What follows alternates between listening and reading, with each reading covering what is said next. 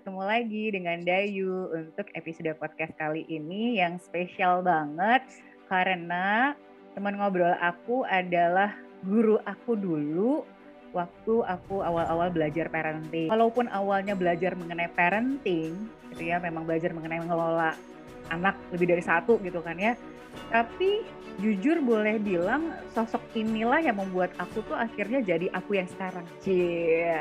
Aku yang sekarang tuh maksudnya gimana? Maksudnya kenapa aku came up dengan happy life coaching gitu ya? Kenapa aku apa ya banyak membahas mengenai happy life. Nah, itu tuh berawal karena aku baca buku uh, yang memang ditulis oleh psikolog ini ya. Jadi bukunya itu judulnya Kurangkul Diriku Demi Merangkul Bahagiaku. Aku juga pernah bilang di podcast ini bahwa aku akan review ya bukunya dan uh, amazingnya bukan aku yang review tapi langsung penulisnya mau berbagi. Oke, jadi aku panggil langsung nih teman ngobrol aku Om lengkapnya sih Om Toge Aprilianto. Aku panggilnya Om G. Welcome Om G. Ya, selamat malam Dayu. Selamat Halo, malam, apa kabar? Ikutan dengar juga. Apa kabar Om G? Kabar Alhamdulillah aman. Aman, aman, nyaman. Nah itu tuh kata-kata yang aman, nyaman. Pokoknya tuh sering banget tuh diingetin gitu ya. Dulu kita kenal pertama di Milis ya, Om ya. Waktu itu Milisnya Milis iya. Parenting. Ya. Dan tadi aku baru juga cerita, aku tuh inget banget eh, pertama kali aku nulis eh, di Milis gara-gara aku galau gara-gara baru kali itu kayaknya galau punya anak lebih dari satu tuh kok rebutan gitu loh anaknya tuh kok rebutan mamanya gitu jadi aku tulis lah tuh di judul milisnya rebutan mama dari saat itulah aku mulai terjun di dunia parenting terus makin kenal bahwa hubungan relasi gitu banyak banget deh nggak bisa diomongin satu-satu nggak bisa diceritain panjang lebar bisa panjang durasinya nah tapi yang mau aku gali sama Om dia adalah tentang bukunya yaitu yang kurangkul diriku demi merangkul bahagiaku. Nah, Om, uh, Om G kan memang penulis buku ini. Bukunya kan ya. memang aku udah lama banget nih, ini aku bisa lihat ini udah lusuh karena ini aku taruh di meja kantor, aku taruh di apa ya di kamar, aku jadiin kamus kalau emang lagi butuh gitu ya. Waktu itu boleh cerita nggak sih Om? Uh, sambil juga ceritain nanti ya backgroundnya gimana gitu. Uh, itu tuh apa tujuan waktu itu di saat orang dulu masih nggak aware lah ya tentang bahagia. Tapi Om G punya buku yang judulnya begitu mengajak orang lain untuk yuk bahagia gitu loh, di, merangkul diri untuk bahagia gitu. Gimana ceritanya tuh Om? Itu awalnya sebetulnya uh, gara-garanya aku diminta untuk uh, ngajar psikologi untuk uh, mahasiswa ekonomi. Ya jadi uh, apa namanya ya misinya kan bagaimana mem, me, menyampaikan uh, satu ilmu yang yang dipelajari khusus bertahun-tahun ke uh, teman-teman yang yang cuma punya waktu satu semester untuk untuk mempelajari semuanya itu. Jadi kan aku mesti mesti meres uh, ilmu yang banyak itu untuk jadi jadi sederhana uh, tapi tidak menghilangkan uh, esensinya gitu. Sehingga kemudian uh, akhirnya dicari-cari gimana caranya uh, sampai aku me menemukan uh, ide untuk menyampaikan uh, konsep perilakunya berdasarkan uh, teori 5W1H itu seperti yang disampaikan uh, di ilmu komunikasi kan uh, kenapa itu terjadi di mana itu terjadi, siapa yang terlibat, uh, apa nah kapan itu terjadi, bagaimana kejadiannya dan segala macam. Uh, pakai pakai rumusan itu. Nah itu uh, kemudian aku aku aku sarikan ilmu psikologinya pakai pakai konsep uh, 5W1H itu.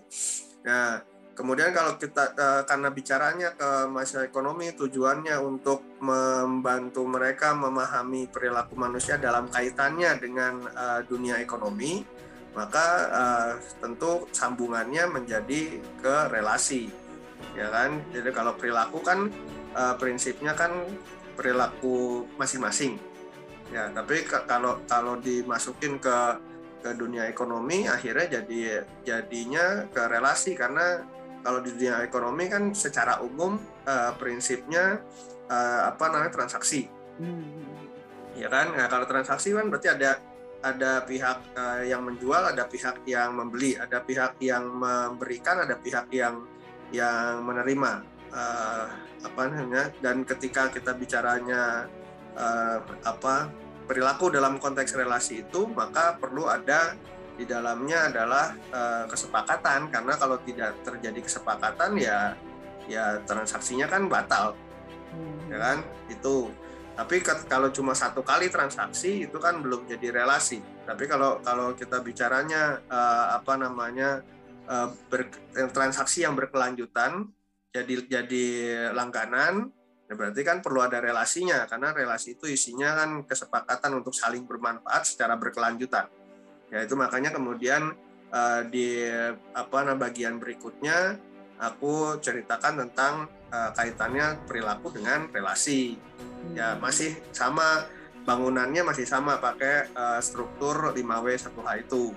Ya nah kata ketika bicaranya apa namanya relasi dan karena relasi itu prinsipnya adalah berkelanjutan kebermanfaatan yang berkelanjutan maka uh, itu kan baru terjadi kalau semua saling nyaman. Kalau kalau ada pihak yang uh, tidak merasa nyaman, ya mana mau dia bersepakat lagi sama orang itu, hmm. ya kan?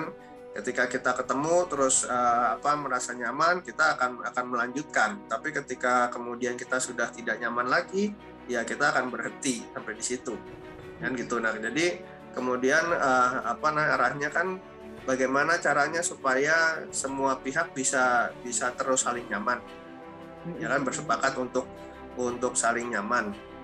Nah itu yang kemudian uh, terpikirkan uh, apa namanya bagian yang kemudian yang ketiga tentang kebahagiaan. Karena kalau kita kalau kita merasa bahagia baru kita bisa memberikan uh, apa namanya kenyamanan buat buat orang lain. Karena kan kita cuma bisa memberikan apa yang kita punya.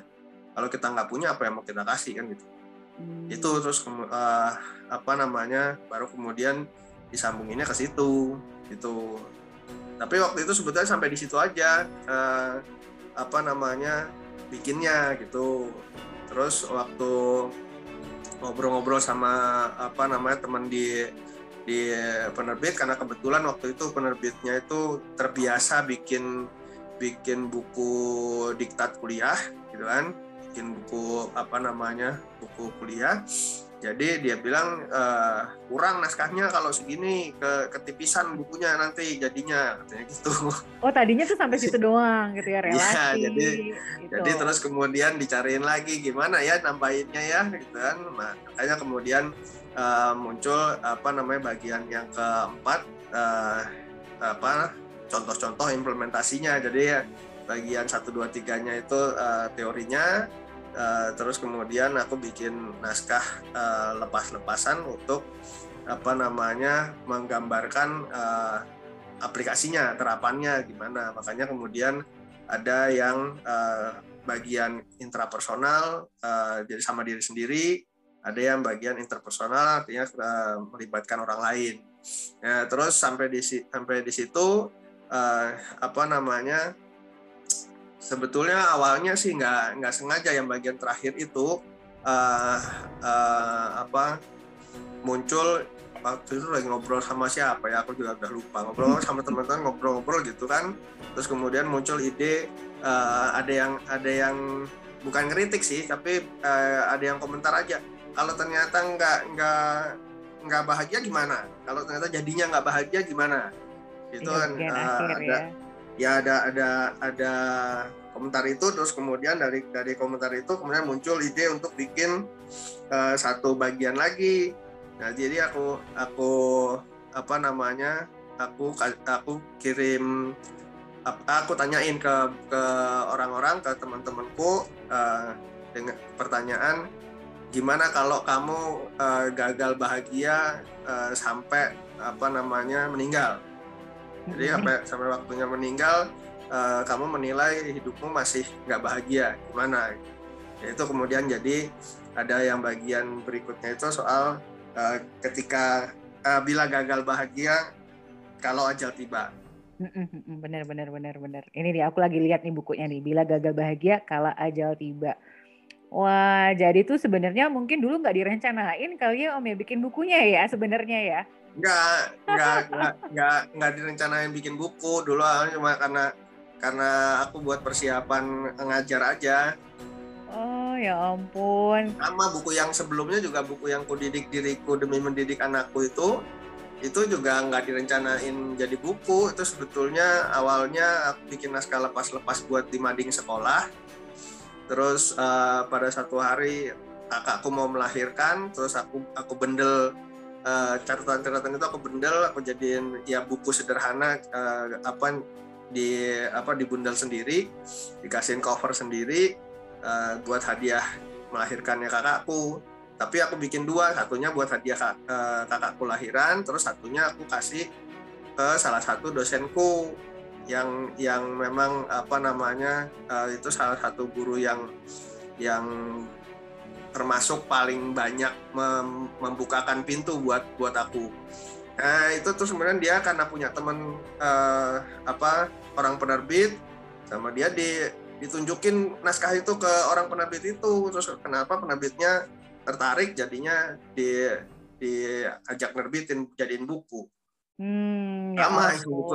Yang buku ini juga tidak direncanakan jadi buku. Yang direncanakan jadi buku itu yang yang saatnya melatihan aku berpikir, saatnya aku belajar pacaran itu memang direncanain jadi buku. Yang temani anakku menghadapi sekolah juga tidak direncanakan jadi buku sebetulnya awalnya. Oh. Bukan, di, bukan dibikin sengaja untuk uh, apa namanya dicetak gitu ya.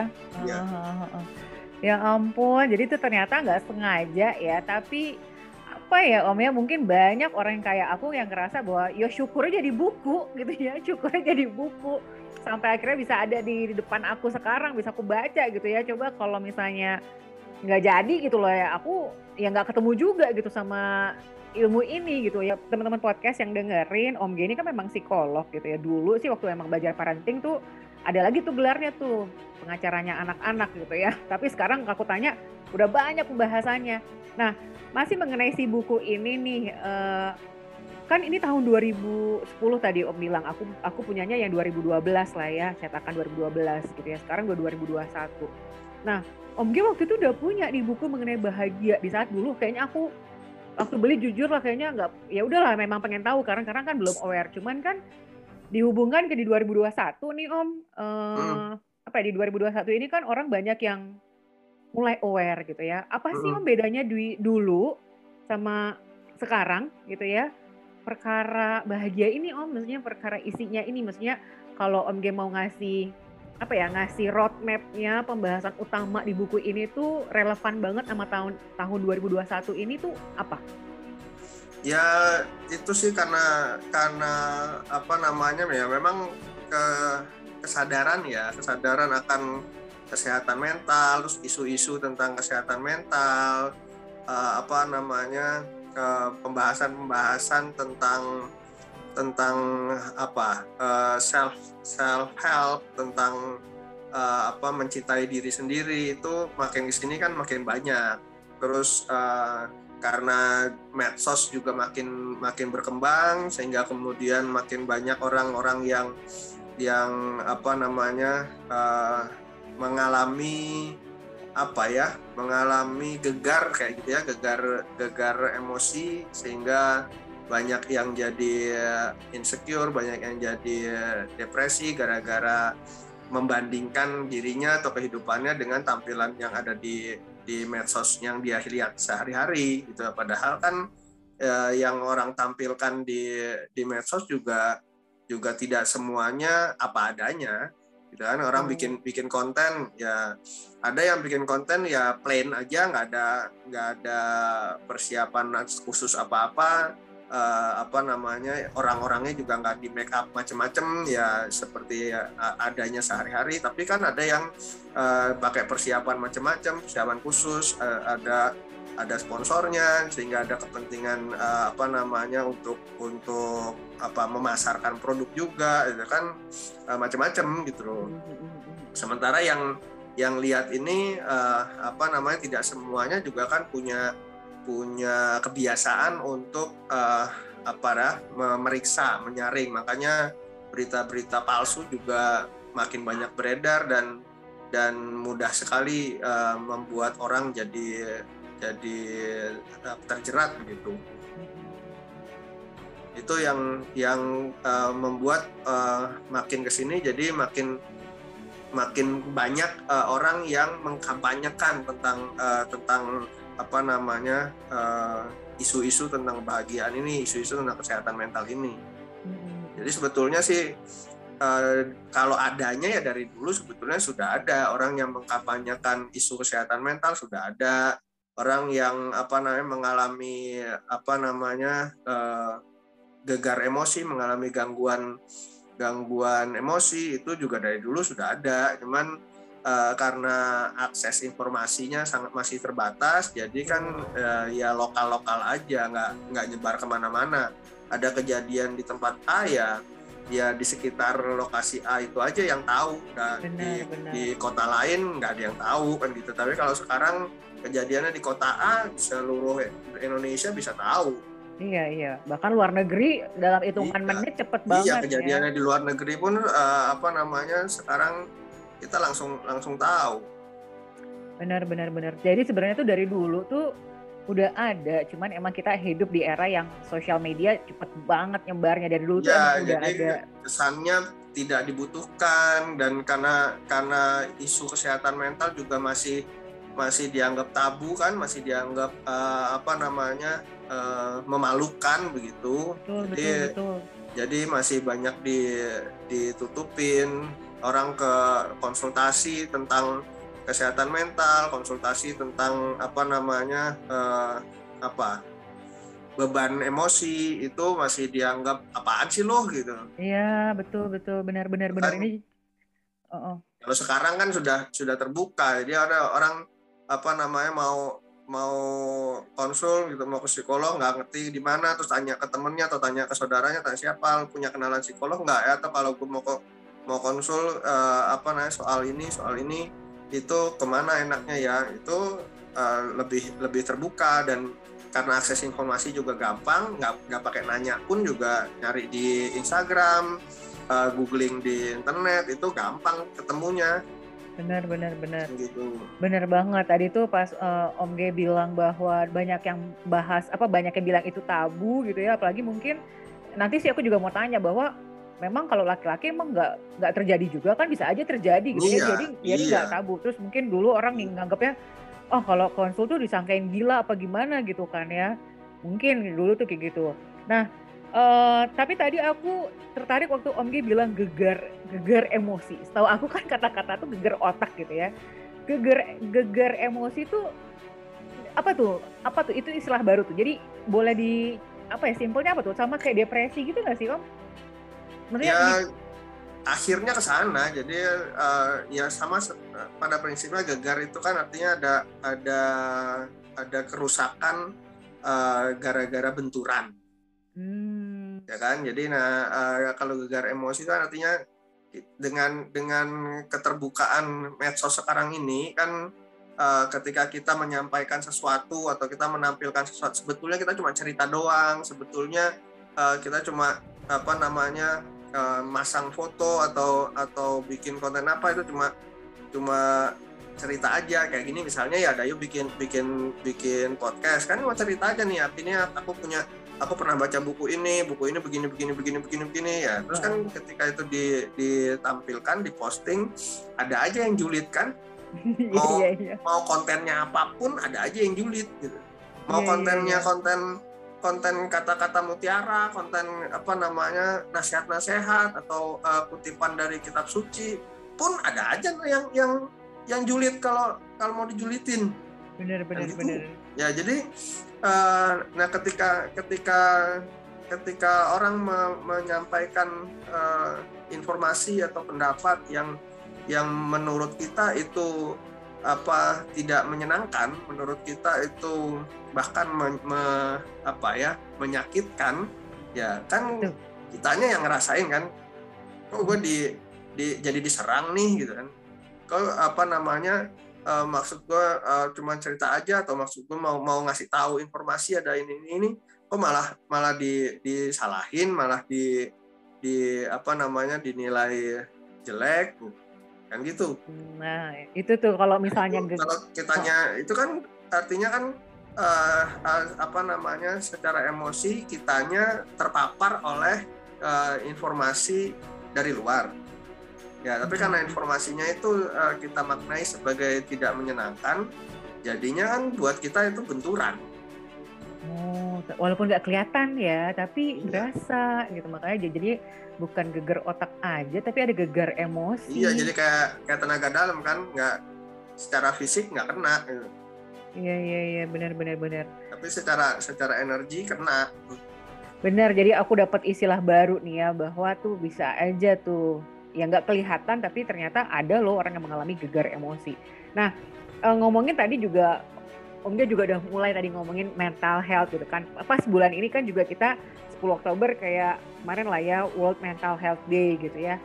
Nah gini, makanya aku ngajak uh, Om Gia juga ngobrol karena aku pengen orang tuh makin banyak tahu mengenai ada buku ini loh. Ini yang aku buat aku sendiri. Ini aku jadiin buku self help gitu ya. In case of in case of lagi down gitu ya aku baca lagi gitu ya. Sebenarnya tuh ya bahagia ya hanya urusan diri sendiri lah intinya gitu. Nah bicara mengenai sebenarnya kalau sejauh uh, Om Gia berprofesi nih sebagai psikolog gitu ya, uh, apa ya, um, apa sih sebenarnya tuh yang paling banyak membuat orang akhirnya tuh gegar emosi misalnya paling banyak lah ya tuh sampai akhirnya uh, ya mental health itu menjadi isu yang makin inilah makin makin banyak orang bahas lah sebagai sepanjang Om Ges sebagai psikolog apa sih sebenarnya tuh isunya manusia tuh apa sih Om yang membuat orang depresi, stres sampai harus ya konsul, sampai harus butuh bantuan orang lain tuh apa sih biasanya?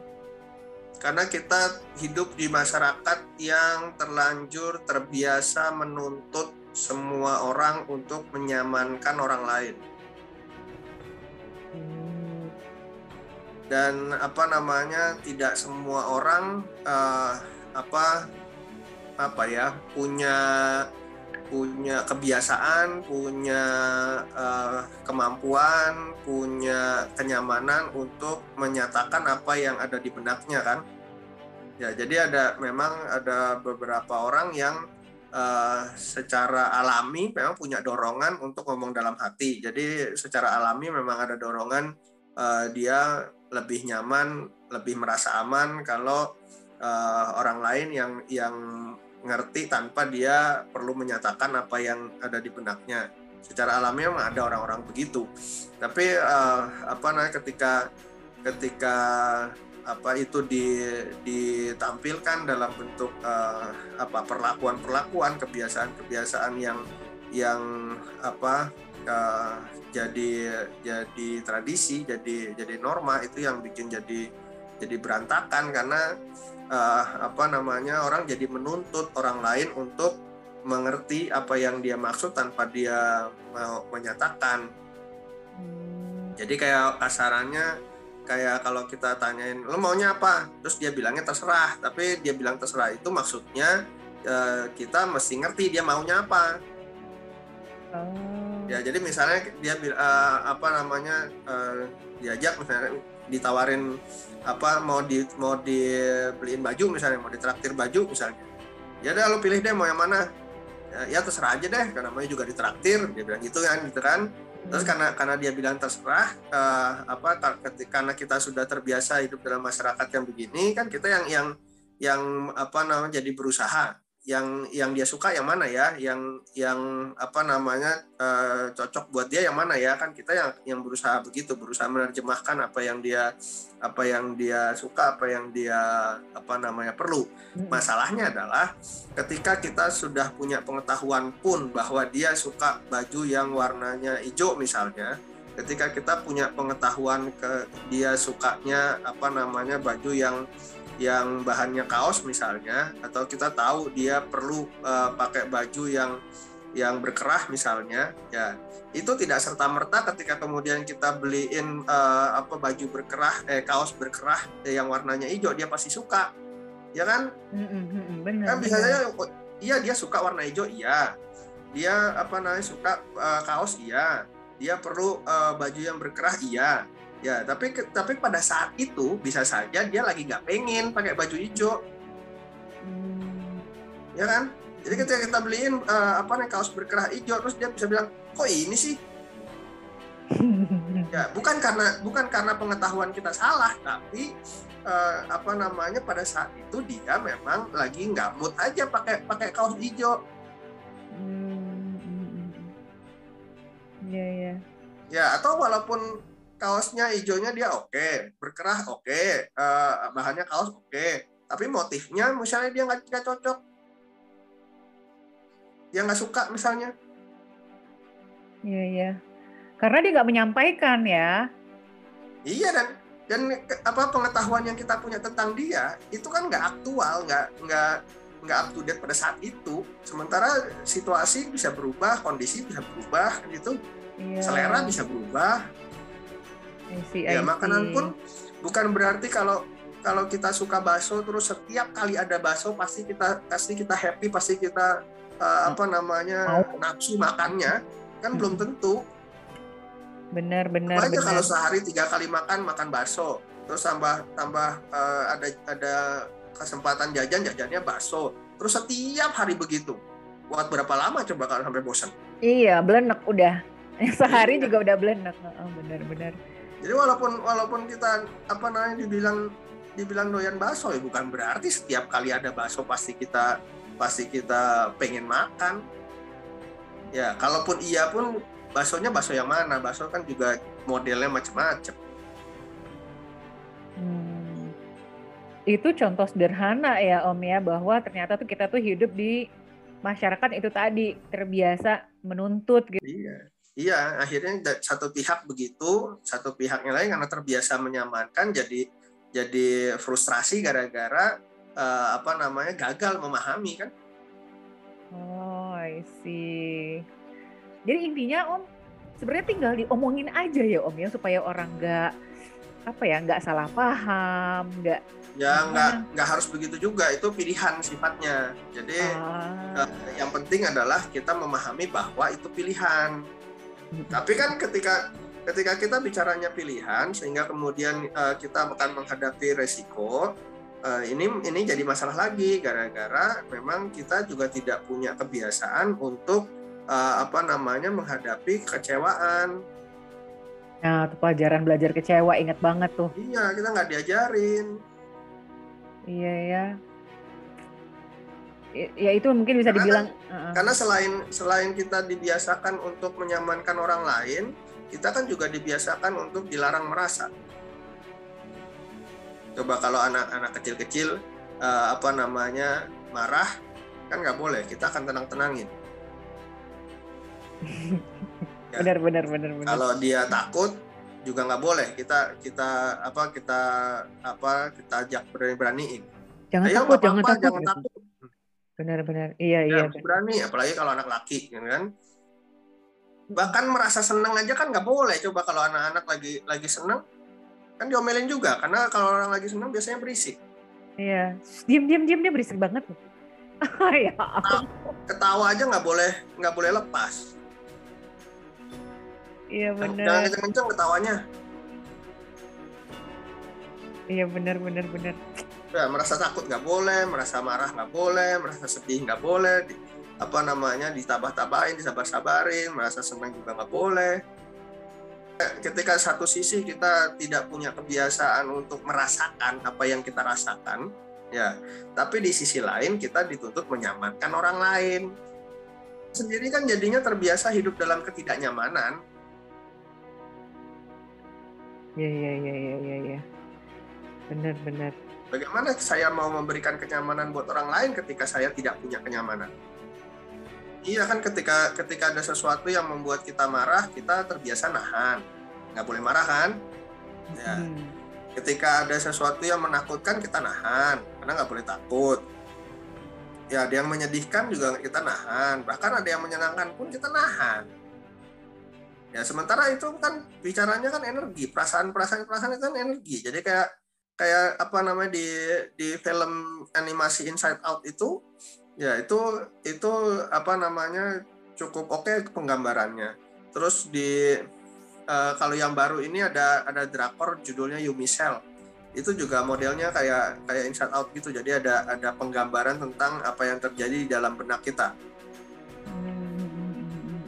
Itu ya, kalau kalau kalau energi kan tidak bisa dimusnahkan cuma bisa dipindah tempatnya atau di dirubah bentuknya jadi ketika ketika ada letupan emosi yang yang datang kita kita selalu tolak-tolak kita selalu mengabaikan ya dia bukan bukan hilang bukan musnah tapi dia cuma akan pindah tempat atau berubah bentuk itu yang yang kemudian akan menghasilkan endapan-endapan emosi yang kemudian orang-orang bilangnya sebagai uh, inner child itu. Hmm.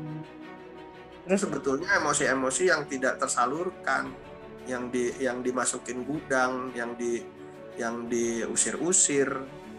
Itu yang jadi ujung-ujungnya orang bisa stres, depresi, Iya ya, awalnya kan dari dari stres karena tertekan kan, karena tekanan itu kan membuat tidak nyaman.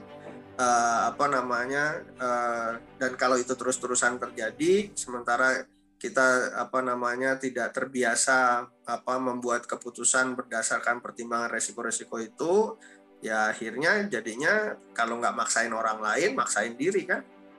Kalau maksain orang lain berhasil ya ya orang lain yang jadi yang jadi apa namanya jadi tertekan. Tapi kalau kalau gagal ya kita yang jadi tertekan. Kalau itu terus terusan ya orang yang tertekan ini kan akan akhirnya akan frustrasi Nah, kalau frustrasinya nggak diberesin ya itu yang akan kemudian jadi depresi. Uh, ada warning sign-nya orang yang kayak gitu tuh sebenarnya bisa kelihatan nggak sih? Atau kita bisa ngasih tahu apa ya om ya sama orang yang katakanlah misalnya kayak gitu misalnya ya entah udah ada ininya lah udah ada tanda-tanda entah uh, stres menuju frustasi menuju depresi. Ya prinsipnya ketika ketika kita sudah merasa tidak nyaman ya kan sama kayak kalau kayak fisik ya uh, apa namanya uh, kapan kita kapan badannya kita ini kita merasa apa capek kan tahu kan? Mm-mm, benar ya kan? Sama eh, secara emosi secara mental juga gitu. Sebetulnya eh, kapan secara emosi secara mental kita mulai capek itu sebetulnya kita bisa bisa mengenali bisa merasakan. Tapi karena karena itu tadi karena karena kita terlanjur eh, terbiasa dilarang merasa itu jadi jadi sulitnya di situ.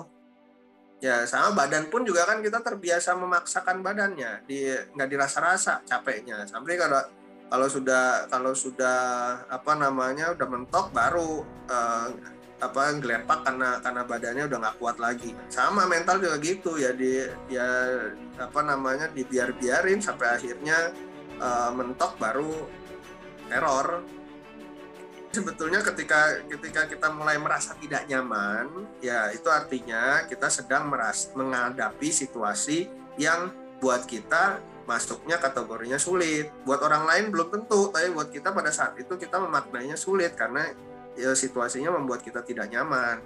Nah pada saat itu sebetulnya kita punya tiga pilihan. Yang pertama menguasai. Itu idealnya kan ya. Kalau kalau kita bisa membuat situasinya jadi seperti yang kita mau ya jadi kan kita nyaman lagi. Itu kan yang ideal. Ya tapi kalau kalau situasinya tidak bisa kita kuasai entah karena kita kalah wewenang entah karena apa namanya sumber dayanya kurang atau karena apa eh, apa jadi nggak bisa dikuasai nggak bisa dibikin seperti yang kita mau maka kita sebetulnya punya pilihan untuk adaptasi. Ya adaptasi itu artinya kita memilih untuk dengan sadar um, apa menyesuaikan diri dengan kondisi itu. Kita memilih dengan sadar untuk melanjutkan hidup dalam kondisi nggak nyaman itu, nggak enak itu. Mm-hmm. Ya, jadi pertanyaannya sanggup nggak ngadepin nggak enaknya? Ya, makanya makanya butuh uh, apa kesanggupan kecewa tadi itu, makanya butuh uh, keterampilan menyalurkan emosi. Ya, supaya uh, apa namanya uh, bisa mengelola rasa nggak enaknya itu karena adaptasi memang memang prinsipnya menghadapi nggak enaknya tapi kalau kalau kita nggak sanggup menghadapi nggak enaknya, ya berarti adaptasi juga nggak bisa. Nah kalau kalau adaptasi juga nggak bisa, maka pilihannya lanjut ke yang ketiga yaitu pergi menyelamatkan diri. Ya keluar dari situasi yang yang nggak enak itu, keluar dari situasi sulit itu. Ya ya ya ya ya. sering kali masalahnya di situ sebetul uh, apa nih pergi nggak mau ya adaptasi nggak mau ngadepin nggak enaknya atau atau udah nggak tahan lagi sama sama nggak enaknya ya tapi nguasain juga nggak bisa. Jadi kan serakah akhirnya maksain diri. Berusaha maksa orang gagal ya tapi uh, menyatakan diri sebagai gagal nggak mau menyerah nggak mau uh, pergi nggak mau ya jadi maksain diri. Itu yang bikin jadi frustrasi tapi kalau bicara mengenai kan kitanya bisa jadi kan kita udah terlanjur begitu, udah kita udah gede-gede lah ya, udah orang-orang dewasa. Itu gimana ya, mem, apa ya, gimana solusinya buat orang yang yang Om bilang tadi serakah gitu loh, bahwa nggak mau gitu loh, nggak mau adaptasi, nggak mau kuasai atau nggak mau pergi. Ya, Akhirnya ya butuh, mereka butuh orang yang bisa jadi fasilitas belajar dulu. Butuh ada orang yang yang mau dan mampu untuk uh, apa namanya membuat kita setuju melakukan apa yang yang perlu dilakukan. Jadi butuh orang yang punya wewenang atas kita. Kalau kalau nggak punya kalau nggak ada ya nggak bisa karena kita tidak bisa mengelola orang tanpa punya kewenangan. Ini tuh artinya ya bisa jadi siapa pun itulah ya, tapi yang memang bersedia mau dan mampu menjadi teman fasilitas iya, belajarnya kalau, ya.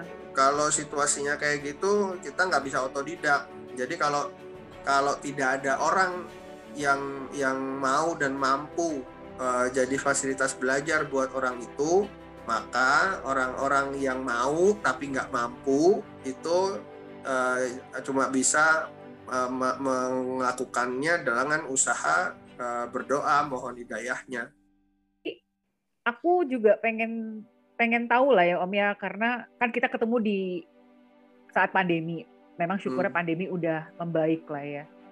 Nah, ini kan pandemi ini kan juga hal yang baru gitu ya. Nah, menurut Om tuh kenapa sekarang di pandemi itu orang juga semakin banyak yang konon katanya tuh ya kesehatan mentalnya apa yang berubah sih menurut Om sendiri kalau memang sebagai psikolog yang memperhatikan lah ya bedanya apa sih kan dari dulu ada sebenarnya kesehatan mental maksudnya orang tuh depresi frustasi tuh udah ada cuman ini kan era pandemi yang baru kejadian itu tuh bedanya gimana ya om ya dulu sama yang sekarang gitu?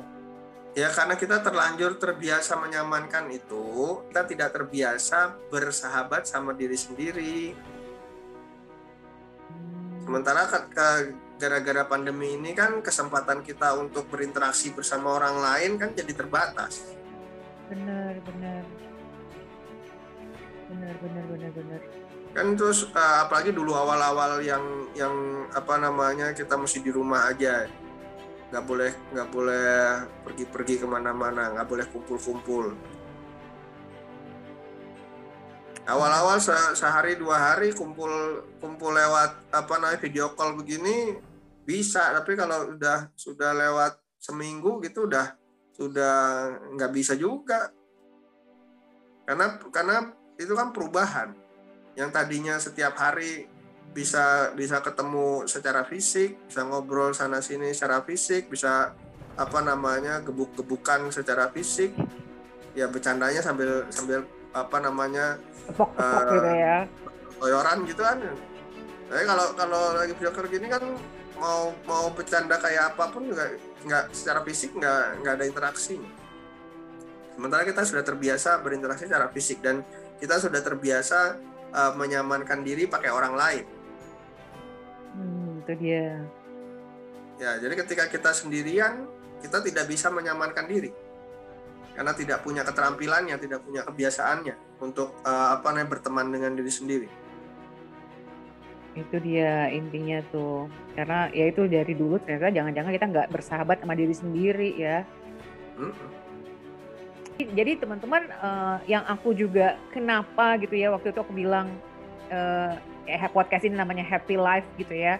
Ya karena aku juga mulai concern tuh ya sejak baca buku ini bahwa setelah itulah ya berproses lah ya memang lama ya om prosesnya ya. Tapi aku semakin jadi ya, menyadari. Ya, targetnya belajar bukan berhasil.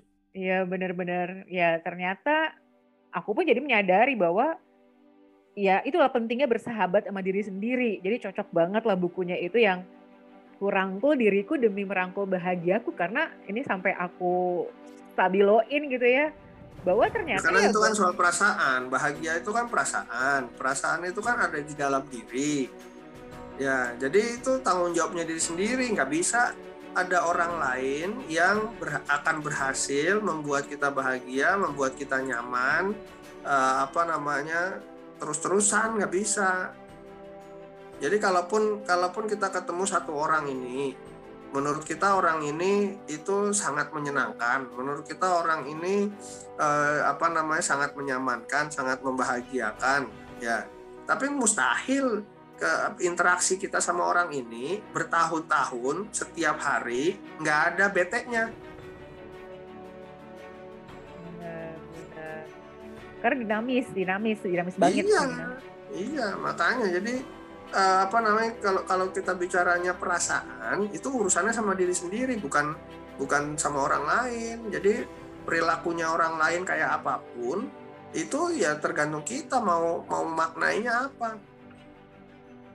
Benar, benar, benar. makanya makanya ketika apa namanya misalnya ya eh, apa kita kita ngomong sama lagi ngobrol nih misalnya beberapa orang eh, ketemu lagi ngobrol. Ya terus omongannya si orang yang ngobrol gini buat si A bisa biasa aja. Buat si B bisa lucu dia ketawa sampai ngakak-ngakak.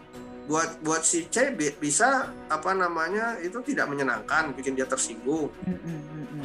Ya padahal omongannya sama yang didengar sama. Benar, benar, benar. Iya. Ini nih aku lagi baca nih aku highlight nih ya. Untuk itu yang sebetulnya kita perlukan agar kita bisa berbahagia hanyalah merasakan dan menikmati bahagia yang kita miliki saat ini di tempat ini. Gitu. Iya, karena kalau kita bicara perasaan kan ya, yang ya, apa momennya cuma sekarang. Ketika ketika detiknya berubah, perasaannya bisa berubah. Betul, betul. Iya, iya, iya. Dan eh, kalau aku sih juga aku tambahin kemarin tadi ada yang nanya kan, maksudnya kalau bahagia menurut lu gimana, Day? Menurut aku tuh bahagia tuh proses aktif gitu kan ya. Maksudnya menurut aku sih gitu, Om. maksudnya proses aktif bahwa ya kalau saat lagi nggak nyaman ya kita berusaha nyaman lagi gimana. Jadi Iya, karena bukan- prinsipnya kan itu kan kecocokan. Apa yang apa yang ada di benak kita cocok sama apa yang eh, kita alami secara faktual. Kalau cocok itu akan bikin kita happy. Kan gitu kalau nggak cocok bikin kita jadi nggak happy. Ya kan pilihannya ada dua. Yang di luar itu kita rubah supaya jadi sama dengan yang di dalam atau yang di dalam yang dirubah supaya sama sama yang di luar. bener. Misalnya kita mau pergi, kita mau udah udah udah waktunya pergi dan eh, apa namanya itu ke tempat tujuannya kita itu satu kita eh, nggak nggak boleh telat. Kalau telat akan jadi masalah misalnya. Yang yang kedua apa namanya apalagi kalau sampai nggak datang itu bisa jadi bisa jadi tambah berat masalahnya. Tapi waktu kita mau pergi terus hujan, sementara eh, kita merencanakan perginya apa naik motor misalnya.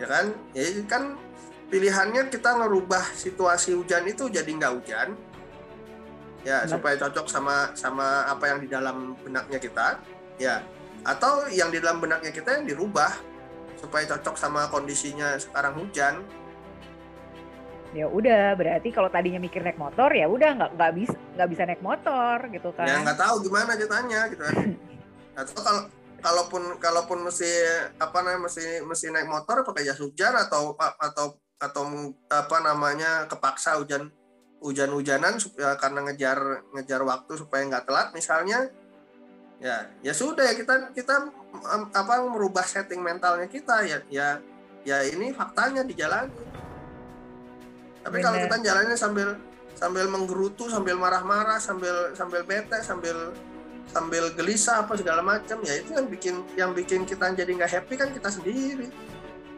Bener, itu dia.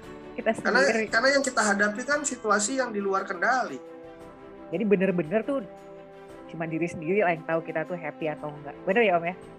Mm-mm. Jadi karena, karena kalau perasaan itu urusannya sama diri sendiri. Ya jadi sebenarnya apa ya Om ya? Gimana ya? Ibarat kalau ininya kata-kata ininya ya udah hari ini saat ini gitu ya hari ini saat ini di sini ya kita yang nentuin kita happy atau enggak ya itu itu pilihannya kita kita kita mau hidupnya di mana kita mau hidupnya di masa lalu ya jadi uh, apa yang yang kita tampilkan di dalam benak kita adalah hal-hal yang di masa lalu. Atau kita mau hidupnya di masa kini, atau kita mau hidupnya di masa depan. Yang dengerin podcast ini mesti baca bukunya, karena itu semua dibahas dalam buku itu. Kenapa sampai ya sedikit banyak mungkin aku nggak akan bisa ngejelasin kayak Om Gigi gitu lah ya, tapi itulah yang memang benar-benar aku yakini bahwa ya bahagia itu ya hanya dari diri sendiri gitu loh. Bukan dari orang bukan dari barang bukan besok bukan kemarin tapi ya sekarang gitu. Kita bisa nentuin sekarang kita mau happy atau enggak. Bener nggak statement aku tuh iya karena uh, apa namanya yang yang prinsip ya dari bukunya dia dari yang uh, kenapa aku taruhnya di di awal itu kan tentang apa sih perilaku itu kan? Uh, di sini aku aku kan pakai contohnya kan uh, menganalogikannya dengan uh, tokoh animasi The Fantastic Four. Ya. Jadi uh, perilaku itu adalah kombinasi dari empat uh, faktor yang sifatnya mufakat nggak bisa voting. Ya jadi kalau kalau salah satu dari dari faktor ini apa namanya nggak setuju ya perilakunya nggak akan nggak akan bisa oke okay, pasti. Entah karena entah jadi ragu-ragu entah jadi jadi apa namanya jadi nggak nyaman dilakukan tapi nggak nyaman. Ya macam-macam uh, ada ketidakseimbangan. Yang pertama faktornya adalah pikiran. Yang kedua uh, perasaan. Yang uh, ketiga apa nah tindakan. Yang keempat kondisi fisik. Jadi kalau disambungin ke Fantastic Four kan yang kondisi fisik ini kan sama dengan si tokoh deting itu. Mm-hmm. yang uh, apa namanya tindakan ini uh, sama dengan tokoh the, the Torch itu yang api itu. Mm-hmm. uh, apa namanya perasaan ini kan yang invisible woman. Pikiran ini yang uh, apa namanya Mister Fantastic itu yang yang lentur itu. Mm-hmm ya jadi dan dan koordinatornya mereka itu kan si Peter Fantastic nih. Ya karena karena memang uh, pikiran yang yang sebaiknya jadi jadi sopir kan. Kalau kalau perasaan yang jadi sopir ya apa namanya nggak bisa. Karena perasaan itu uh, prinsipnya kan di luar sadar. Ya hmm. bagaimana kita mau mengelola sesuatu pada saat kita nggak sadar? Ya kalau tindakan hmm. ya tindakan nggak bisa jadi sopir juga om. Dia memang uh, apa namanya cuman prinsipnya bergerak saja.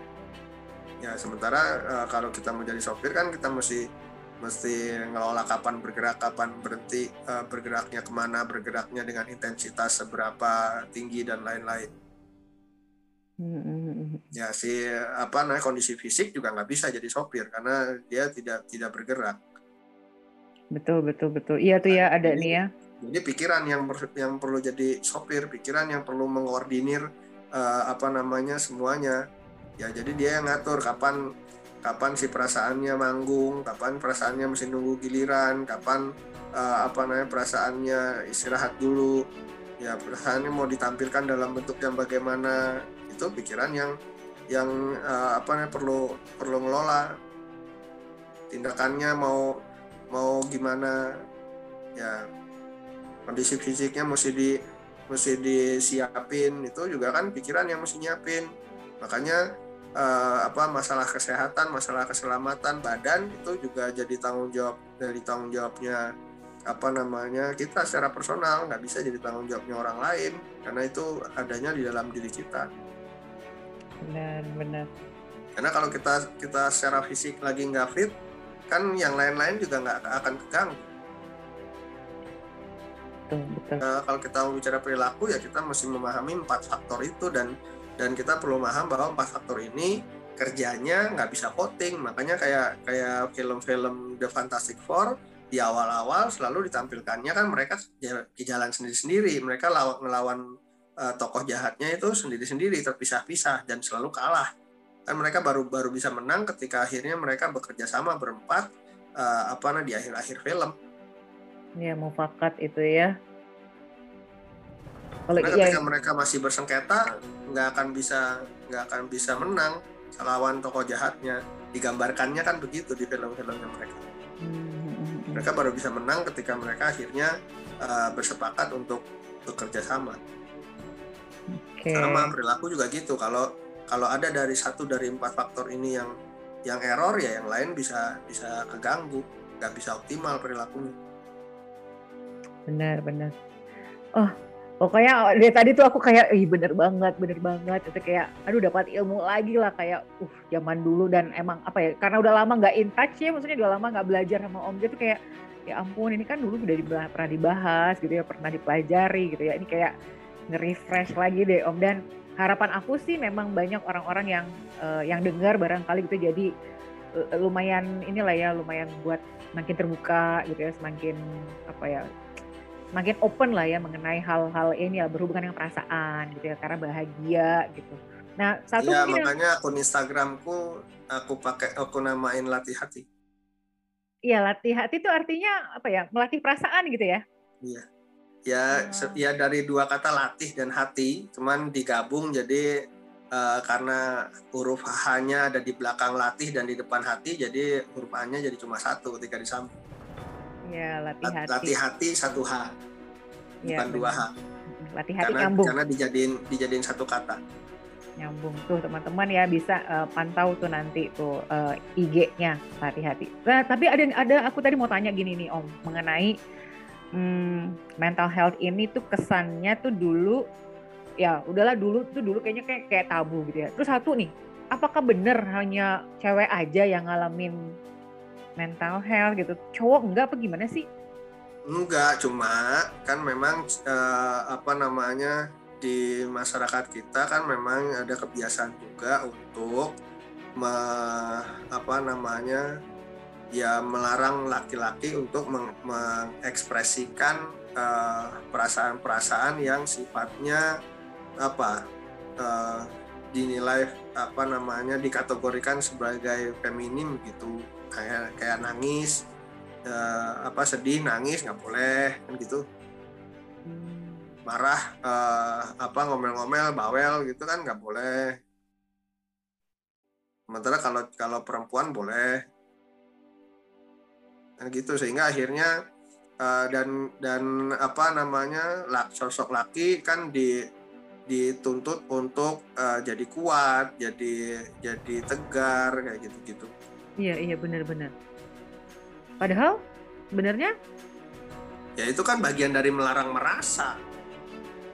Tapi tambah tambah tambah yang laki-laki bukan cuma dilarang merasa tapi dilarang mengekspresikan perasaannya. Kalau yang perempuan masih lumayan dilarang merasa iya, tapi dia mengekspresikan perasaannya masih boleh. Nangis gitu ya. Iya, nangis walaupun walaupun tetap ditenang-tenangin, disabar-sabarin. Ya, itu masih masih boleh nangis, masih masih ditoleransi. Kalau perempuan nangis itu masih dibilang wajar. Ya kalau kalau cowok nangis kan bukan cuman bukan cuman uh, bukan ditenang-tenangin, bukan disabar-sabarin, bukan ditabah-tabahin, tapi malah diomelin, diledekin. Iya gitu tuh, takutnya gitu. Iya. Padahal normalnya ya ya nggak apa-apa ya merasa ya harusnya ya. Jadi bisa aja mengalami hal itu juga ya Om ya. Ya itu kan itu kan masalah fisik. Selama selama secara fisik dia apa namanya baik-baik saja sehat sehat-sehat semua organ fisiknya berfungsi sebagaimana mestinya ya berarti kan dia bisa mengeluarkan air mata Berarti dia bisa mengeluarkan suara suara apa namanya seperti orang nangis.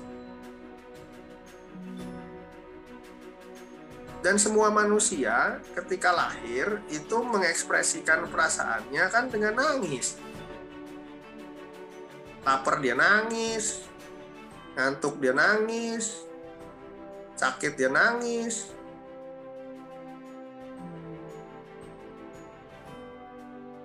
tapi kenyataannya ternyata eh, ya karena kemudian dilarang kan? Karena kemudian dilarang. Bahkan uh, apa namanya anak-anak yang lahir dari orang tua yang punya kebiasaan dilarang merasa itu sehingga dia orang tuanya ini sudah sudah tidak pernah nangis, tidak pernah menampilkan ekspresi apa yang perasaan-perasaannya dia ketika anak yang lahir ya tetap nangis kan?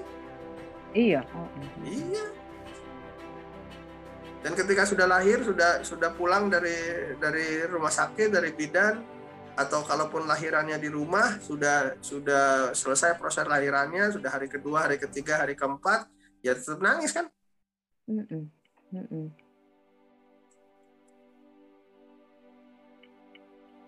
kan baru menjadi berkurang nangisnya ketika makin dia besar terus banyak larangan-larangan, larangan menangis. Entah entah dilarang, entah di di nyaman-nyamanin sehingga jadi pengalaman pengalaman tidak menyenangkannya jadi sedikit sekali sehingga dia tidak punya kesempatan untuk nangis eh, gara-gara mengalami kekecewaan secara emosi. Jadi nangisnya paling karena karena sakit secara fisik. Nah, entah uh, apa kejeduk kepalanya, entah kesandung jatuh, baru dia nangis itu pun hmm. lama-lama bisa kalau diterus-terusan dilarang lama-lama dia bisa belajar juga kalau kalau jatuh dia sakit pun dia berusaha menahan untuk nggak nangis karena kalau nangis diomelin oh I see kasihan banget ya kita kita ya ternyata ya Om Ge kasihan banget ya ampun ternyata itu juga yang antara lain akhirnya eh, kadang-kadang uh, ada orang-orang yang jadi jadi tidak nyaman menceritakan perasaannya kepada orang lain. Hmm.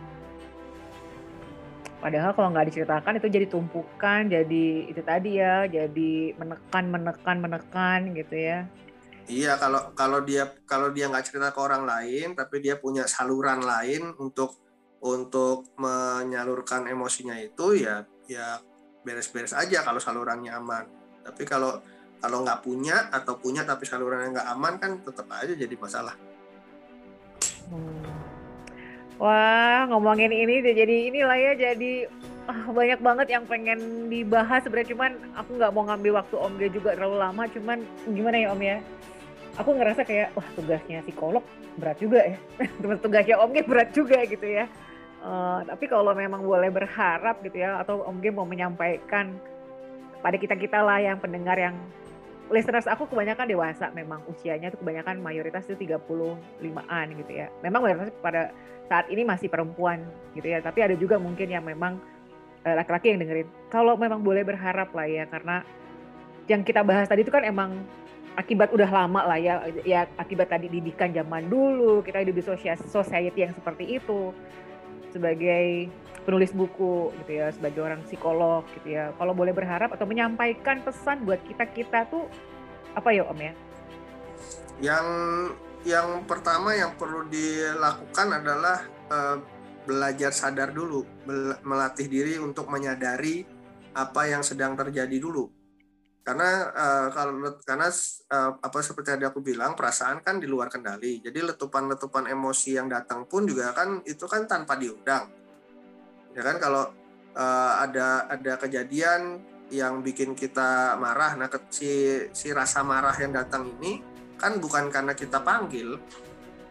Ya karena ter, ter, ter, refleks saja terpicu sama sama kejadian yang yang kita hadapi itu kan. Hmm. sama ketika kita merasa sedih ketika kita merasa takut merasa merasa apa namanya galau bingung dan lain-lain itu kan semua namanya perasaan itu sifatnya kan uh, spontan ya kan? Jadi itu di luar sadar. Nah masalahnya adalah ketika kita tidak uh, segera menyadari bahwa ada emosi yang datang maka kita juga menjadi akan kesulitan untuk mengelola si emosi yang datang ini.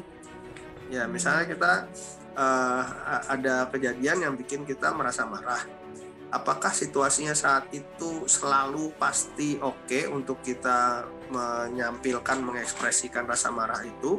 Kan belum tentu. Misalnya kita lagi lagi kerja terus ada sesuatu yang bikin kita marah. Apa bisa kerja sambil marah? Kan nggak bisa. Kerjanya bisa keganggu gara-gara kita marah. Kerjanya bisa keganggu gara-gara kita apa namanya sedih gara-gara kita frustrasi gara-gara kita apa namanya merasa nelongso merasa apa ya nelongso itu bahasa Indonesia-nya. Ya meratapi uh, merasa merata- tidak berdaya Ah, begitu. Ah. ya mer- itu kan uh, bisa keganggu nggak bisa. Jadi uh, ada situasi-situasi di mana memang pada saat itu kita tidak baik atau tidak tidak oke kalau membiarkan si perasaannya itu hadir ya tapi kalau perasaannya di, diusir-usir disangkal-sangkal di- ditolak-tolak kan juga juga jadi masalah baru nanti. Karena karena dia uh, bukan bukan akan musnah. Dia cuma cuma jadi pindah aja tempatnya atau berubah bentuknya. Tapi kalau kita nggak salurin dengan dengan sadar kan kita nggak tahu dia berubahnya jadi apa dia pindah tempatnya ke mana. Ya itu itu kenapa perlu uh, menyadari karena kalau kita kalau kita terbiasa menyadari harapannya ketika ada emosi yang datang kita cepat sadarnya oh aku lagi marah nih oh aku lagi sedih nih oh aku lagi takut nih oh aku lagi bingung nih oh aku lagi lagi gregetan nih lagi gemes nih lagi apa. Itu sadarnya jadi lebih cepat. Nah ketika kita sudah menyadari kita baru bisa milih. Ya apakah pada saat itu kita mau membiarkan si perasaan ini manggung ya atau kita mau parkir dulu. Bukan disimpan tapi diparkir aja. Kalau parkir kan simpan sementara. Hmm. diparkir dulu. Jadi pada saat itu kita menahan diri. Kita menahan uh, apa namanya perasaannya supaya uh, apa yang sedang kita lakukan pada saat itu tidak terganggu. Nanti kalau situasinya sudah memungkinkan baru kita panggil lagi perasaannya itu untuk manggung. Baru kita salurkan Hmm. ya, ya uh, caranya men- latihan sadar itu bisa macam-macam tapi yang yang selama ini aku aku apa namanya tahu aku pahami yang relatif apa namanya praktis untuk dilakukan sehari-hari itu mulainya dengan latihan menyadari napas bukan ngatur napas ya kalau kayak meditasi itu kan ngatur napas hmm, hmm, hmm. ini bukan bukan ngatur napas cuma sadar aja. Jadi bernafas dengan sadar. Ya kayak kita ngobrol ini nih kan kita ngobrol dari tadi kan sambil napas. Hmm. ya tapi apa apa Dayu menyadari gerakan napasnya aktivitas bernapasnya kan enggak. Enggak enggak enggak. Iya kan tapi tapi sekarang ketika aku ngomong soal napas Dayu eh, memperhatikan napasnya Dayu kan bisa sambil ngobrol. Iya betul. Ya kan? Bahwa Hmm, hmm. oh aku lagi napas nih sekarang nih. Ya jadi ketika bernafas itu eh, apa narik eh, apa menghirup udara sama membuang udaranya ke keluar itu di dalam kondisi disadari ya bernafasnya Hmm. dengan sadar kan bisa Hmm. ya kan ya itu itu yang dilatih sesering mungkin jadi kalau kalau apa nah kalau kita sudah terbiasa bernafas dengan sadar harapannya nanti eh, ketika ada emosi-emosi yang datang kita jadi lebih cepat juga menyadari si emosi itu. Nah kalau sudah sadar baru bisa milih nih emosinya mau diapain. Mau dirasain pada saat itu atau mau dirasainnya nanti. Sekarang diparkir dulu karena situasinya tidak memungkinkan. Oh, Oke, itu ya jadinya ya. pes- Nanti di- tinggal cari mau mau disalurin lewat lewat aktivitas apa. Karena marah itu kan tidak selalu bentuknya jadi ngomel-ngomel. Ada orang marah jadi diem, ada orang marah jadi ngomel, ada orang marah jadi pukul-pukul, ada orang marah jadi teriak-teriak, ada orang marah jadi melotot. Ya, macam-macam. Tinggal kalau itu tinggal kita apa nah eksplor sendiri-sendiri aktivitasnya eh, seperti apa yang yang menurut kita oke untuk untuk digunakan sebagai saluran marah sebagai ekspresi marah yang aman Hmm. Oke, itu dia ya. Jadi pesannya eh, dari Om G, pertama mungkin kita harus melatih diri kita tuh sesering mungkin. Pertama sadar ya, sadar ada perasaan apa pun itu gitu ya dengan cara sederhananya eh, sering-sering apa ya, sering-sering Nah, berlatih bernapas dengan sadar Nah, bernafas dengan sadar. Thank you. Thank you banget Om G. Ininya message eh, message di ujungnya penting banget ya kayak aku tuh kayak ngerasa bahwa ya dengan kita bersadar dalam mm, apa bernafas dengan sadar kayak ngerasa bahwa kita masih manusia. Ya nggak sih Om, masih masih manusia. Jadi ya wajar kita bukan malaikat gitu ya kita bukan Tuhan apalagi ya wajar kita mengalami ini itu ini itu jadi eh, message-nya itu dapat banget lah. Berarti bernafas iya yang, yang merasa marah merasa sedih merasa khawatir merasa apa bingung merasa takut merasa happy merasa terharu itu itu manusiawi yang memang itu perasaan. Kalau kalau itu sudah nggak ada lagi malah malah jadi pertanyaan manusia atau bukan itu? Iya iya iya iya. Oke oke. Bener bener bener masih manusia kok ya. Kita iya, semua yang jadi masih... masalahnya bukan bukan boleh atau tidak boleh merasa, tapi masalahnya adalah ketika perasaannya itu datang, kita sadar enggak? Ya kalau sadar kita bisa ngatur ini perasaannya mau diapain. mau diterima sebagai sebagai tamu yang datang ya atau mau disuruh tunggu dulu atau mau diusir atau mau diapain dan itu pilihannya ada di masing-masing juga iya pilihannya ada di masing-masing oke Om G thank you waktunya uh, apa ya uh, rasa-rasanya memang banyak banget yang pengen aku gali sebenarnya gitu ya. Tapi nanti mungkin kita bisa obrolin sesi-sesi yang lain kali ya Om G. Tapi hari siap, ini siap. hari ini aku happy banget dan mudah-mudahan uh, apa ya listenersnya podcast aku juga dapat lah ya ilmu yang mungkin gak sebanding lah ya dengan isi bukunya karena beneran uh, apa ya ini buku aku tuh jadi buku ini tuh jadi buku kamus lah ya. Dan dia tetap tetap relevan dari zaman aku punya dari 2012 ke 2021 udah berapa tahun coba aku punya gitu ya. Jadi uh, buat yang pengen ini uh, pengen punya bukunya nanti bisa ke IG-nya Om G Latih Hati haknya satu nyambung nanti bisa ada kontak numbernya kali ya Om ya di IG ya? Ada di di di highlight ada ada ininya, ada buku gitu. Uh, uh, uh, uh, uh. Jadi bisa tuh ya uh, teman-teman. Dan mungkin nanti kita nggak tahu deh, mungkin ya kita obrolin lagi aja nanti setelah sesi ini. Yang penting hari ini aku thank you banget Om Ges sudah bersedia mengulik sedikit apa yang dibahas di kurang di buku Kurangkul Diriku Demi Merangkul Bahagiaku. Malahan di luar itu udah ngasih ilmu banyak banget. Aku kayak nge-refresh lagi zaman-zaman di 2000 12 itu ya aku belajar parenting, gimana ngelola anak, gitu ya, ngelola emosi sendiri gitu. Jadi thank you banget Om G hari ini sudah berbagi, sudah mau diajak Ya, sama-sama kita saling belajar. Yes, saling belajar. Sampai ketemu ya Om G ya. Thank you.